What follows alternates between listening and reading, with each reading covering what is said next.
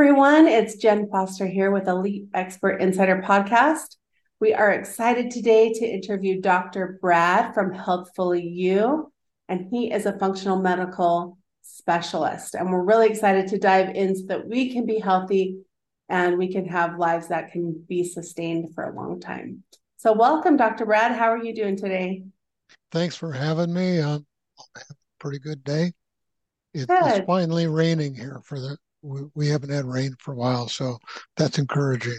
That is encouraging. Tell us a little bit about yourself, Dr. Brad, and how you got into the functional medicine and a specialist in Lyme disease.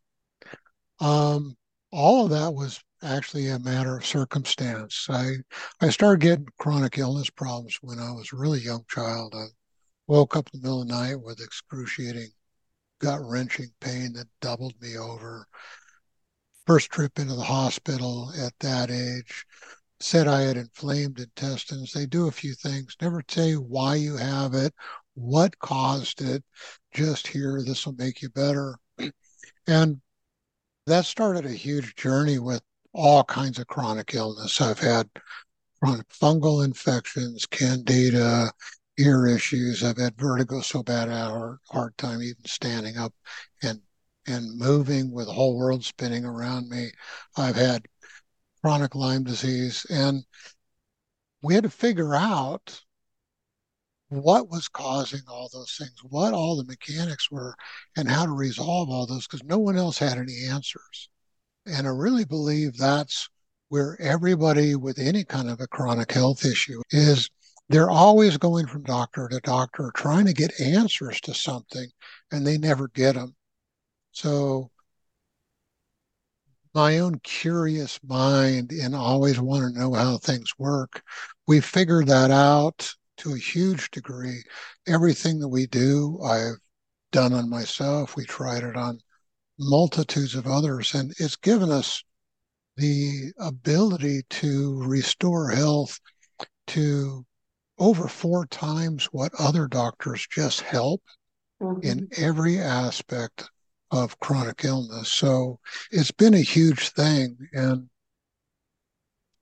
wrote a book. It's called Exposing Lyme and Chronic Illness, which covers all the different aspects of every kind of chronic illness there is, from gut issues, toxicity issues, hormone dysregulation, infertility, autoimmune issues, all the way up to Lyme disease it's really it explains what's going on inside the body, which almost nobody knows. Yeah. And and people are just throwing all these treatment protocols at things, which are guesses, hoping something's going to stick, and it doesn't. Why people stay sick forever. Yeah. And traditional medicine here in the United States is just it's ridiculous. My son has had some chronic headaches and some cluster headaches and migraines and all these things for the last couple years and our general practitioner just says, we can get you an appointment with the neurologist. And then the neurologist says, everything looks good. We'll get you an appointment with the um, the cardio- cardiologist. Then you talk to the cardiologist and they say, everything looks good. And then we go back to the general practitioner. Nope, we're still sick. What do we do? He's, oh, let's just change up all your medicines then. We'll just change everything up. We'll give you some blood pressure medicine. That has nothing to do with headaches. So it's just ridiculous. They can't pinpoint, they don't know what they're doing. My last experience with the medical system, big one, was I was 19, had some major back issues going on, and I signed up for a multiphasic physical. Within the last three days, going through all these things, and they've got all these elderly people. They're shaving their chest hairs and putting all these cardio uh, electrodes on them and, and doing all this stuff. And after like a day and a half, I just said, This is ridiculous. I'm getting out of here. They, this is not going to tell me a thing about what's going on with what I have. And it wasn't long after that I found a chiropractor and was able to throw my back brace away in a few weeks and keep working. That's awesome. Tell people like what happens. So if I'm feeling pain or I'm feeling brain fog or I'm feeling like pain all over my body and I want to come with you, what's the first thing that we would do?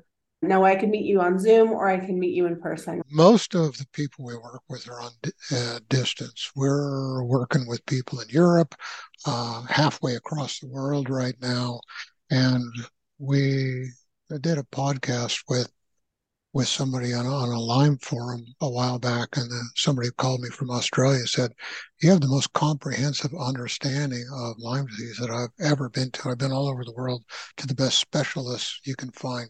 Your understanding of this, the way you explain, is more comprehensive than I've ever seen." So, whenever we look at anybody, we have them fill out some paperwork, gives me an idea of what's going on with them. Then we talk about them, their situation, what root causes we would expect with what's going on and how to go forward with that.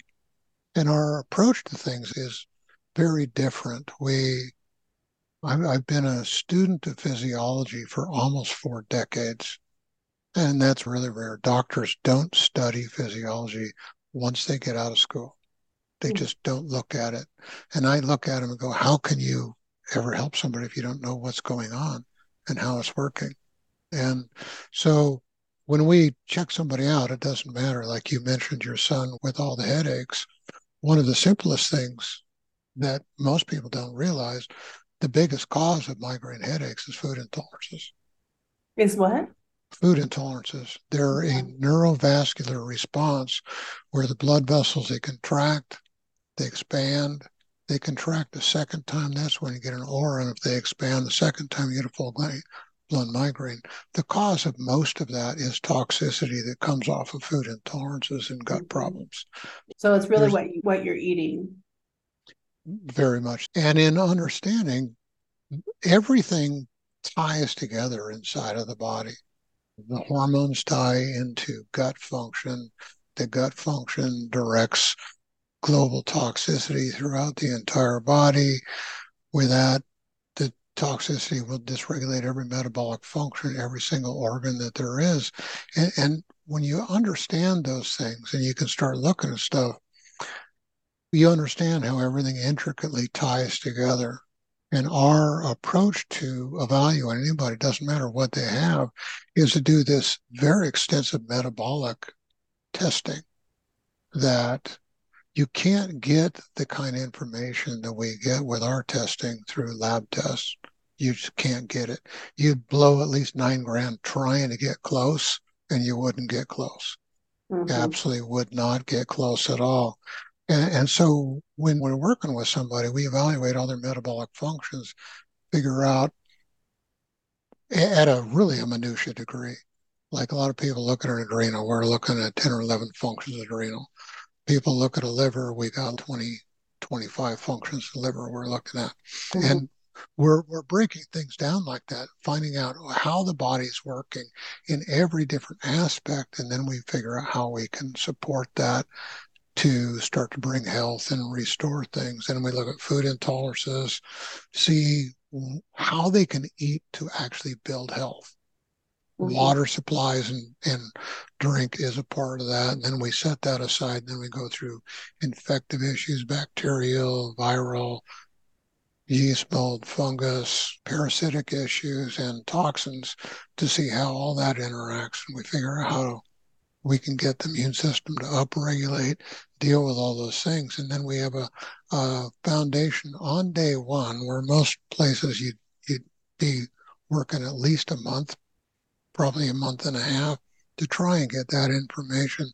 And for us to resolve things is less than what you're going to spend another clinic just to get try and get the information. it's, it, it's interesting. So everything that we do is is completely individualized. There's no sheets of paper here, do this and guesswork. We test everything to make sure before somebody's done on day one that what we have is going to resolve their health problems. Awesome. So you do like a food intolerance test, or do you usually say you prefer specific diets? Do you recommend diets after you've done the test? Or I know some people who say, oh, only eat Mediterranean diet, only eat paleo diet, like only be vegetarian. Like, what do you feel about all of those types of diets? Most of your diets are a fad that mm-hmm. are contrary to the nutrients that you need to build health. Keto kills people. Mm-hmm. It completely dysregulates their hormones. The paleo is a joke. You look at the first societies in the world, they were farming. You look at every society that thrives, they farm, they grow their own food.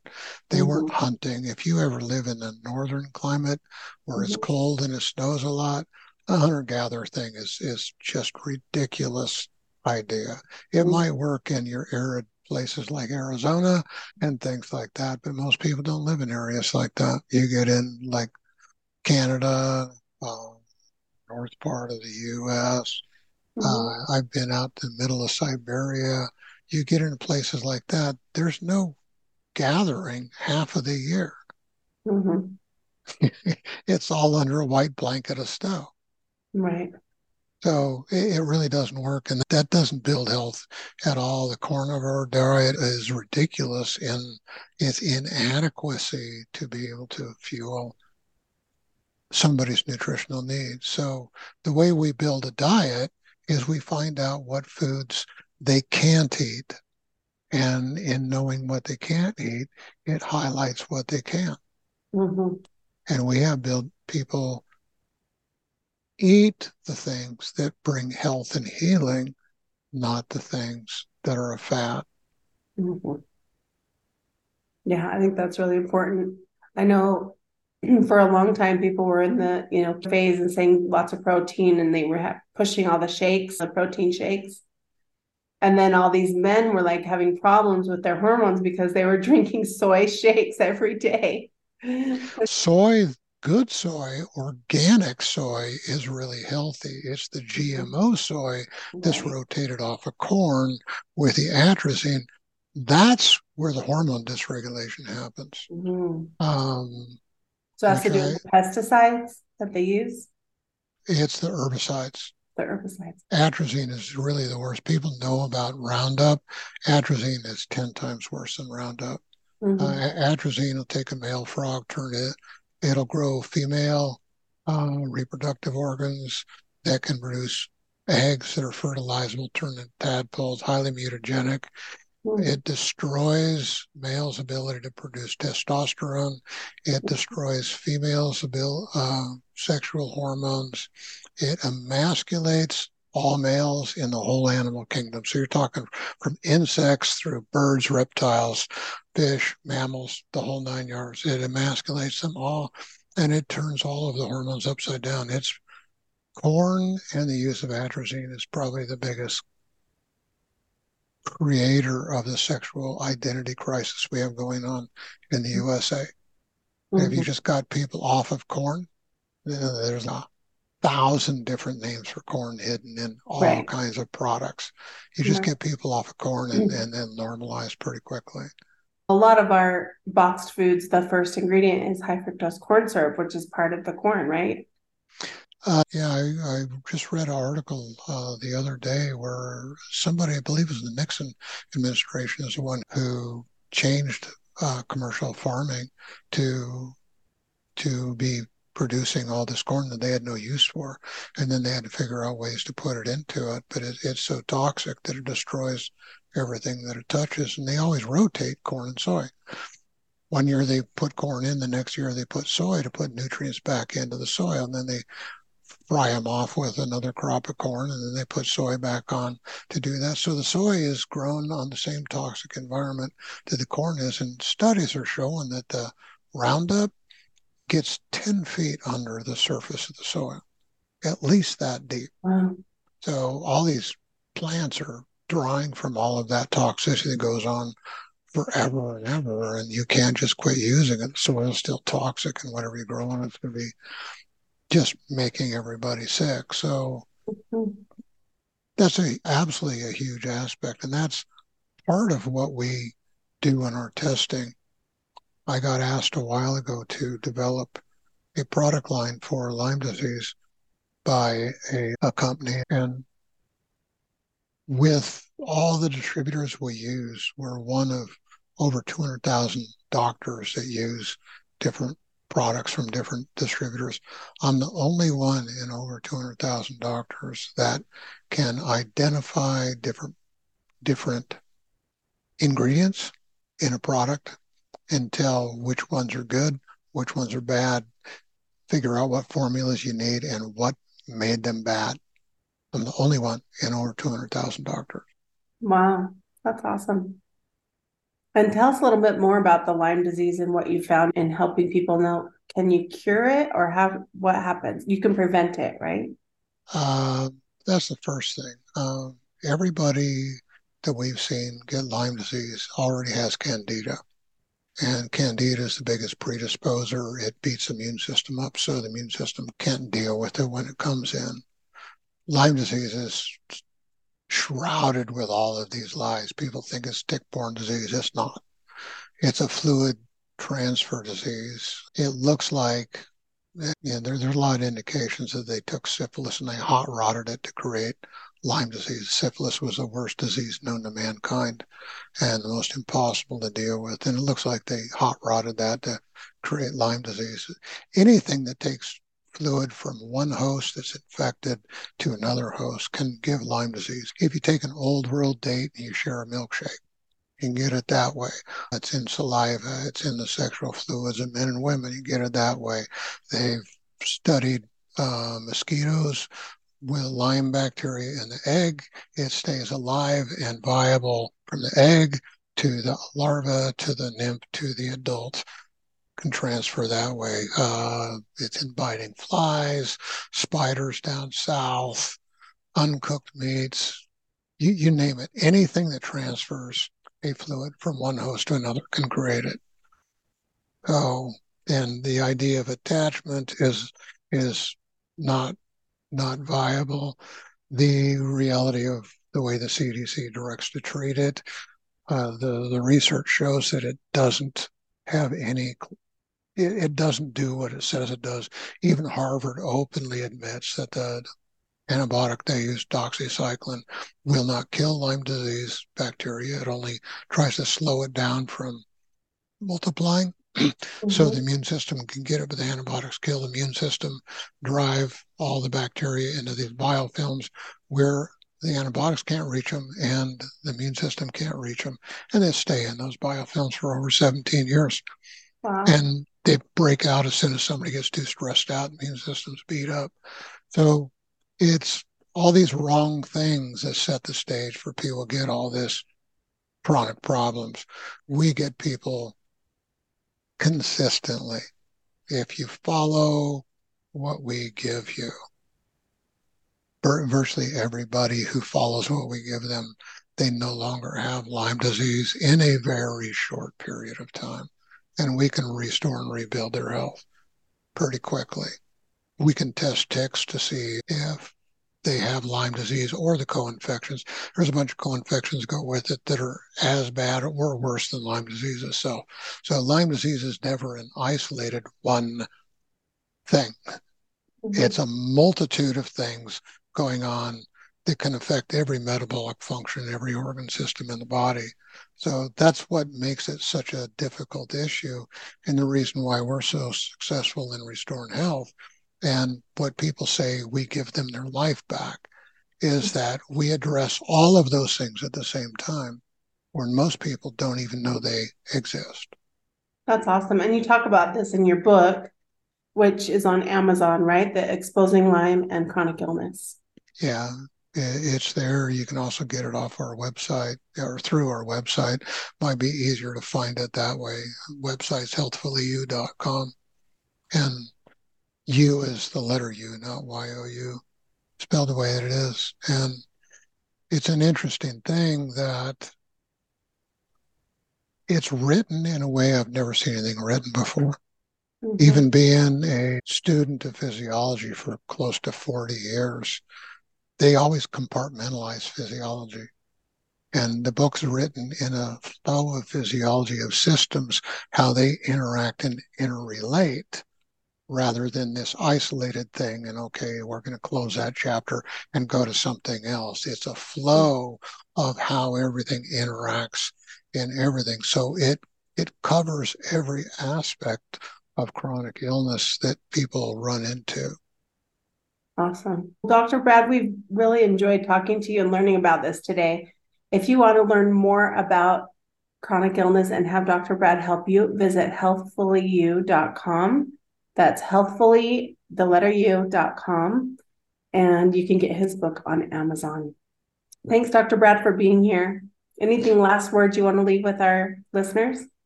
On if if you go to our website, there's a free book on there. It's called Healing Lifestyles, and that can really give a lot of tools on simple, practical things you can do yourself to really start to affect your health. So you'll see the book Exposing Lyme and Chronic Illness. It's on sidebars. It's got its own page. You you can't miss it when you go on there. And if you want to get a hold of me and really address your health issue, uh, contact us on there too. Awesome. Thank you so much for being here today. If you want to publish a book like Dr. Brad, contact us at eliteonlinepublishing.com and we can help you as well. Have a great day, everyone. Hey, are you looking to increase your revenue, build credibility, and elevate your brand? This podcast is brought to you by Elite Online Publishing, an innovative publishing and full spectrum marketing company. They will publish and market your book to make it a number one bestseller. Becoming an author is the best way to market your business. So contact them at eliteonlinepublishing.com today. All of their authors become number one bestsellers.